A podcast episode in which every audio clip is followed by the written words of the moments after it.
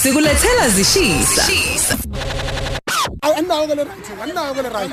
Anawo le right. Anawo anawo le right. You don't have this right. You, you can't throw our answer. I never throw that. No, you, you you throw it. You did. You did. You did. And I'm gonna I'm gonna show you. I'm gonna no no no no way. Yes, I'm gonna say I'm kani. Kani ke manje. Ah baba imoto imoto imoto ithatha. Ziyakhala, ziyakhala, ziyakhala. Ziyakhala, you don't have that right. No, this is South Africa. I'm going to show you the whole world. I'm not stupid. I'm not stupid. I'm not stupid. I'm not stupid. Never. Never. Ngenzeni? Ngenzeni? Ngenzeni ngiyakuza ngenzeni? Ngenzeni? Ngenzeni? Ngenzeni? Yenza yonke into Akiwo kodwa you can't do that. You can't do that.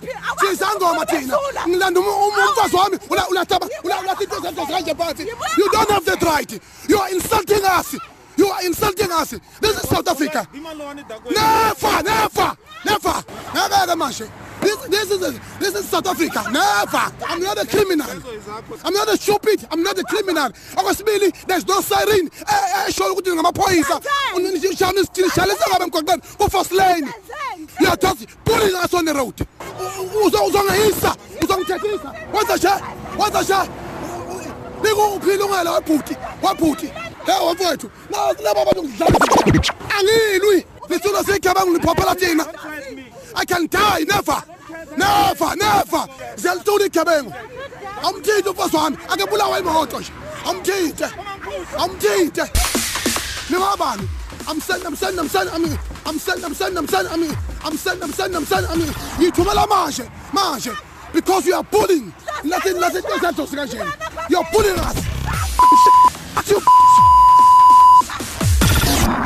ya okuthe kwenzeka ke ebsihlwa bayizolo lokhu eh unthi uyabheka eh, futhi uyabuka eAfrika kwamanje sisazilile sizilele ke ubaba wethu sonke eh, ubaba owayekade upresident lapha eZambia ubaba uKK ubedume kanjalo ubaba uKenneth David Kaunda eh ubegcizelela kakhulu ekuthenini akuhlonishwe eh umthetho sisekelo yamazwe ngamazwe aphinde futhi akhuluma kakhulu ngamalungelo aphinde futhi athi inkululeko mayikube kithi sonke. Eh manje uma kuyiso lesisikhathi mase kuphinde kuqhamuka into efana nale eh, esiyizwayo ngomacingwane esithemba ukuthi futhi ke vele ke nabo ophiko lezokuphepha basazoziphendulela. Kodwa ke mhlambe asimbingelele umacingwane eh, umlando ungizwe umfoka mchunu ku Khosi FM sekumengelela amacingwane esengonyameni.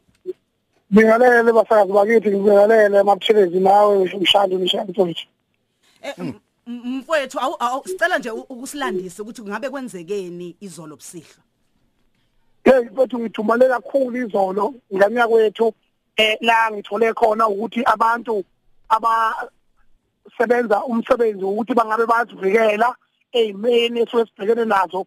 Amaphoyisa awuhulumeni awumongameli awumvikeli womphakathi. Kodwa manje it happened ukuthi ba abuse power eh le power abayinikeziwe kube yibona abasigcilaza ngayo kabuhlungu. Into eyenzekile lapha bengihlangabeza unkosikazi ephuma le elokunjaneni efrahead ekwasithole lapho kade bekhipha khona itho asa eke ephethe zonke into zamakhosi ojete eke imkhono yembusi ndawonye lapha behamba ema- e- emotweni wahayikha kwasho ukuthi kusebusuku amhlangabeza stand mase ngifika la ngasebhalito ngasebhalito ngibona imoto ngishanga amalambi siphefumulela la eduze ngithi mina hawukwenze njani uNkulunkulu wami. Iphinde iphinde iphinde iphinde manje ngithi ngifuna ukubela ngapha khona enye ngapha.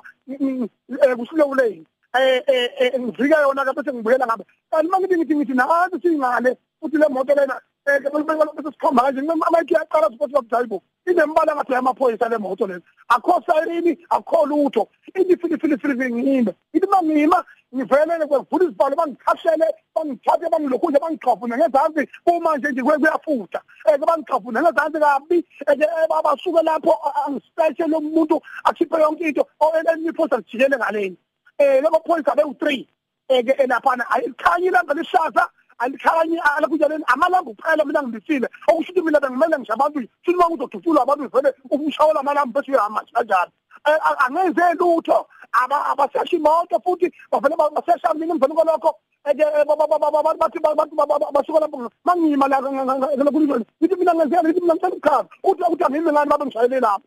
Ngithi mina hayibo ngicela ukukhaza ukuthi ngifuna ukuba anginika anginika ngisho ithuba lokukhaza ukuthi ngikhaza phela ukuthi angiboni luphawu mina ukuthi ngamaphoyisa eh ngimiselani akasho ukuthi bangimiselani usuka lapho uyangibhulisha u- uyangishaya ungibamba ngemuva ufuna ukungibopha utshela unkosikazi akehle ngale. Eh, eh, eh, mina abafazi bakithi bayashonipha bashaya ukuthi uhlele emotweni mangabe ngikhuluma nophoyisa ngikhuluma nophoyisa mina bengisama nje ngithi mina ngisafuna ilo i- i- i- ilicense ngoba umthetho wamaphoyisa makumisi yokuqala ibuzayo ma udriver emva lokho noma ijikela ngalena ngibona unkosikazi usiyashunqa ngale ngithi mina kwenze njani? Mangithi ngiyabuka khishwe zonke amashobe zangoma thathwe zonke izinto zalahlwa phansi lapha phansi. Akaze ngithukuthele kanje ila ngiqale khona ukurekhoda because that incident is a half of the incident eyenzekile laphana emaphoyiseni. La ngibona khona ukuthi abamane bengibulaleke. Akukho umuntu ongathatha inkolo yami athathe zonke into zami ukuthi ngempela i-South Africa ithula uthini umthetho uthini obhekele uma ngabe uma ngabe ungakwazi ukuthi eh uha uthi into zakho ezihloniphekile esihlonipha uzedlo sesiguqa ngaze msamo impepho yonke into usiphatha ukulahlela abaphansi umuntu angabi nendaba futhi yengizingenezizathu mangibabuza bahomba nabasho emveni kwalokho ngabarekhoda ukhona ubaba oyedwa omdala engingammele engamfela ophakathi kwabo zithi zokuthi lezi besisibhulisha eke sinezi obebakhuza obebakhuza asuka lapho umvula ibhayi lomfazi ekehleli phansi e- e- e- elibhinqile walahla phansi wa- wa- wathatha into zakhe wayilahla phansi ilaa khona mfethu simi ku-N2 futhi eh, ubona kahle ukuthi ingozi ingenzeka noma yinini lapha. Alukho uphawu lokuthi simisiwe la- namaphoyisa akho lutho. Emveni kwalokho babona ngiyabarekhoda ngena live. Emveni kwalokho bavele babaleka bangena emotweni babaleka ngenhlahla ngathathe zonke i-evidence yakho. Ngafona semke ngifonela abaphathiswa balelizwe ukuthi ake mthetho omuni lona othi amaphoyisa avela sikhahlela sikhahlela. Ayikho nayothi into abayenze emotweni bebephenya. Mina ngihlala ngiyithalela ivunulo nje. Ake angishi umfundisi akekho umfundisi angavuma ukuthi uthathe ibhayibheli lakhe siphoswe lapha ake emahlathini ogene sisibuthele bebesineke lapha. noMateyu lapha etakini manje ayonjani lokho iphi imithetho ezenkolo kulelizwe lokuhlukunyezwa kwami ngihlukunyezwa nonkosikazi emvulo amanye amadoda mina ngisebevumelane ngani kanti? Bayijamuka eseqimbile nje kanti futhi umelele iphoyisa Macingwane mhlawumbe umuntu akabonga kuqala ukuthi sikhuluma nawe nje ungaphandle kwepolice station uthe awuhloniphe le interview bese uyangena ngaphakathi. Ngifuna ukubheka uzovula ngiyovula icala mfowethu ngipha ngaphandle la e-police station eVerelem. Sovula icala nganyaka kwethu ukuthi umthetho wezwe laseNingizimu Afrika uthini ngoba eke ngaphathi akabe ngibona abantu beshaya amaphoyisa eh, lo muntu eshaya iphoyisa Eastern Cape ngathi le nto yenziwe icala kwabanye amazwe ngabulawa mina ngase ngishaya iphoyisa-ke akaze ngenze lutho lingihlukumezile ngathatha icingo lami and bawucabanga ukuthi bandaka abantu eningizimu afrika abasinikeza amaphoyisa usuku nosuku kungabi khona busakazi awine lawo macala emveni kwalokho angabi indaba zalutho abantu ababhuldoza thina ngenhloso yokuthi bona babekela ukuthi basivikele Macingwane omunye uzobuza ukuthi eh well iningizimu Afrika ubaba u- uRamaphosa usanda khuluma ukushintsha isikhathi isikhathi bungakafiki kulesi sikhathi eh sesewashe sibekiwe?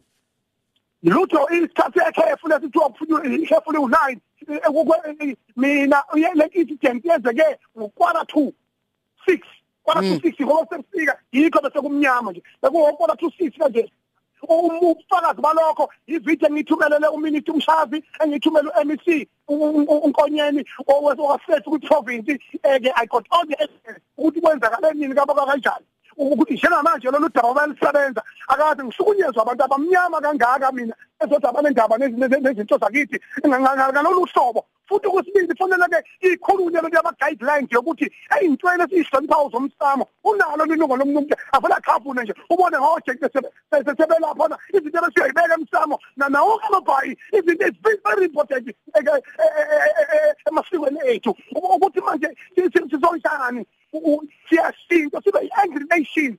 Sibe sicindezelwe yigciwane siney'nkinga siyahlupheka eke siney'nkinga kodwa manje amaphoyisa okunokuthi eke ahambisane kanye nathi ayasindezela. Now uhulumeni uziphatha kanjani? Sizwe elidiniwe. Macingwane ke sesivala ngiyazolandela ade sisithola amaphoyisa athi eh sesiwathumelele i- ama video sathumelela impeleni i number plate sifuna bayicheke eh ukuthi wobani kahle hle bonke laba. Wena yini ofisa ukuthi uyibone yenziwa njengobulungiswa kulelo daba? Ngifisa ukuthi lamaphoyisa lawo athole isijezo esifanele nesihambisana nomthetho sisekelo oseningizimu Afrika athole isifundo sokuthi into enjengalena angayenzi ukuze namanye namanye noma ngaba kuphi abahlonipha abantu. Gebengu angisona isigebengu mina. Futhi angiyangaze bengingaluna muntu futhi uyakutshela mfowethu ngithi mina ufakazi wami uwo amaphoyisa lo baba besesethe obelokhu ekhuzile elokhu ekhuzile lo baba. Ukhuza bona ozakwabo laba. Angizwakayena ukhuza bona ozakwabo ababaze ubufakazi balokho mangishela hamba uphanga ngani mangabe mangabe content ngiyo wrong engiyenile babonile ukuthi ba wrong babonile ukuthi bayibhudoza basebenzisa amandla amandla okuvikela thina kodwa amandla okuthi ubona bafeze inhloso zabo Macingwane mfethu siyabonga ngena lapho ke eh, uqhubeke solokhu silibheka nathi ngoba sesitholile amaphoyisa eh, siyafisa ukuthi sithole ukuphawula kwabo nabo eh, kodwa siyafisa ukuthi sambe nalo daba zelifike ema- emaphethelweni Ngiyabonga ndoda amadoda ngiphile endlunkulu njengoba sishiswa lapha impepho sekuphelile. mfowethu siyakuthanda ngizwe Awu nami ngiyamthanda yoze yoze yoze. yemake sesibuza nje on a lighter note izigisi siqhamukapi semhlatshelwe kunje? Ukubi kunje? Hey ngizwe mchunu macingwane besekhona izigisi kubeda Ngiyithanda mfethu. Eh yesibuya siyamuka masudiniwe kodwa khona sikhonyana kufane eh uyazi ngizwe ngiyabuka nje ukuthi ekhala ekhala abantu besazi isimo sakho ukuthi kanjani ngempela ngempela bayangayenza kanjani into nje. 2019 hayi December wonke bazocheza ikhale manje ikhale banyethele emthile bazobona bona umshawona uthi ayiphelele imbanjeni hawu ayikhale manje ayikhale manje. Ikhefu belingashayile futhi asiki izathu belungivimbela sona ufuna ukwazi ukuthi obakhiphe epolice station bebakhiphe ukuthi bayaphi. Bana yipi nane warranty. Dangi macingwane naso. Ya. Le yivuka Africa Breakfast Show.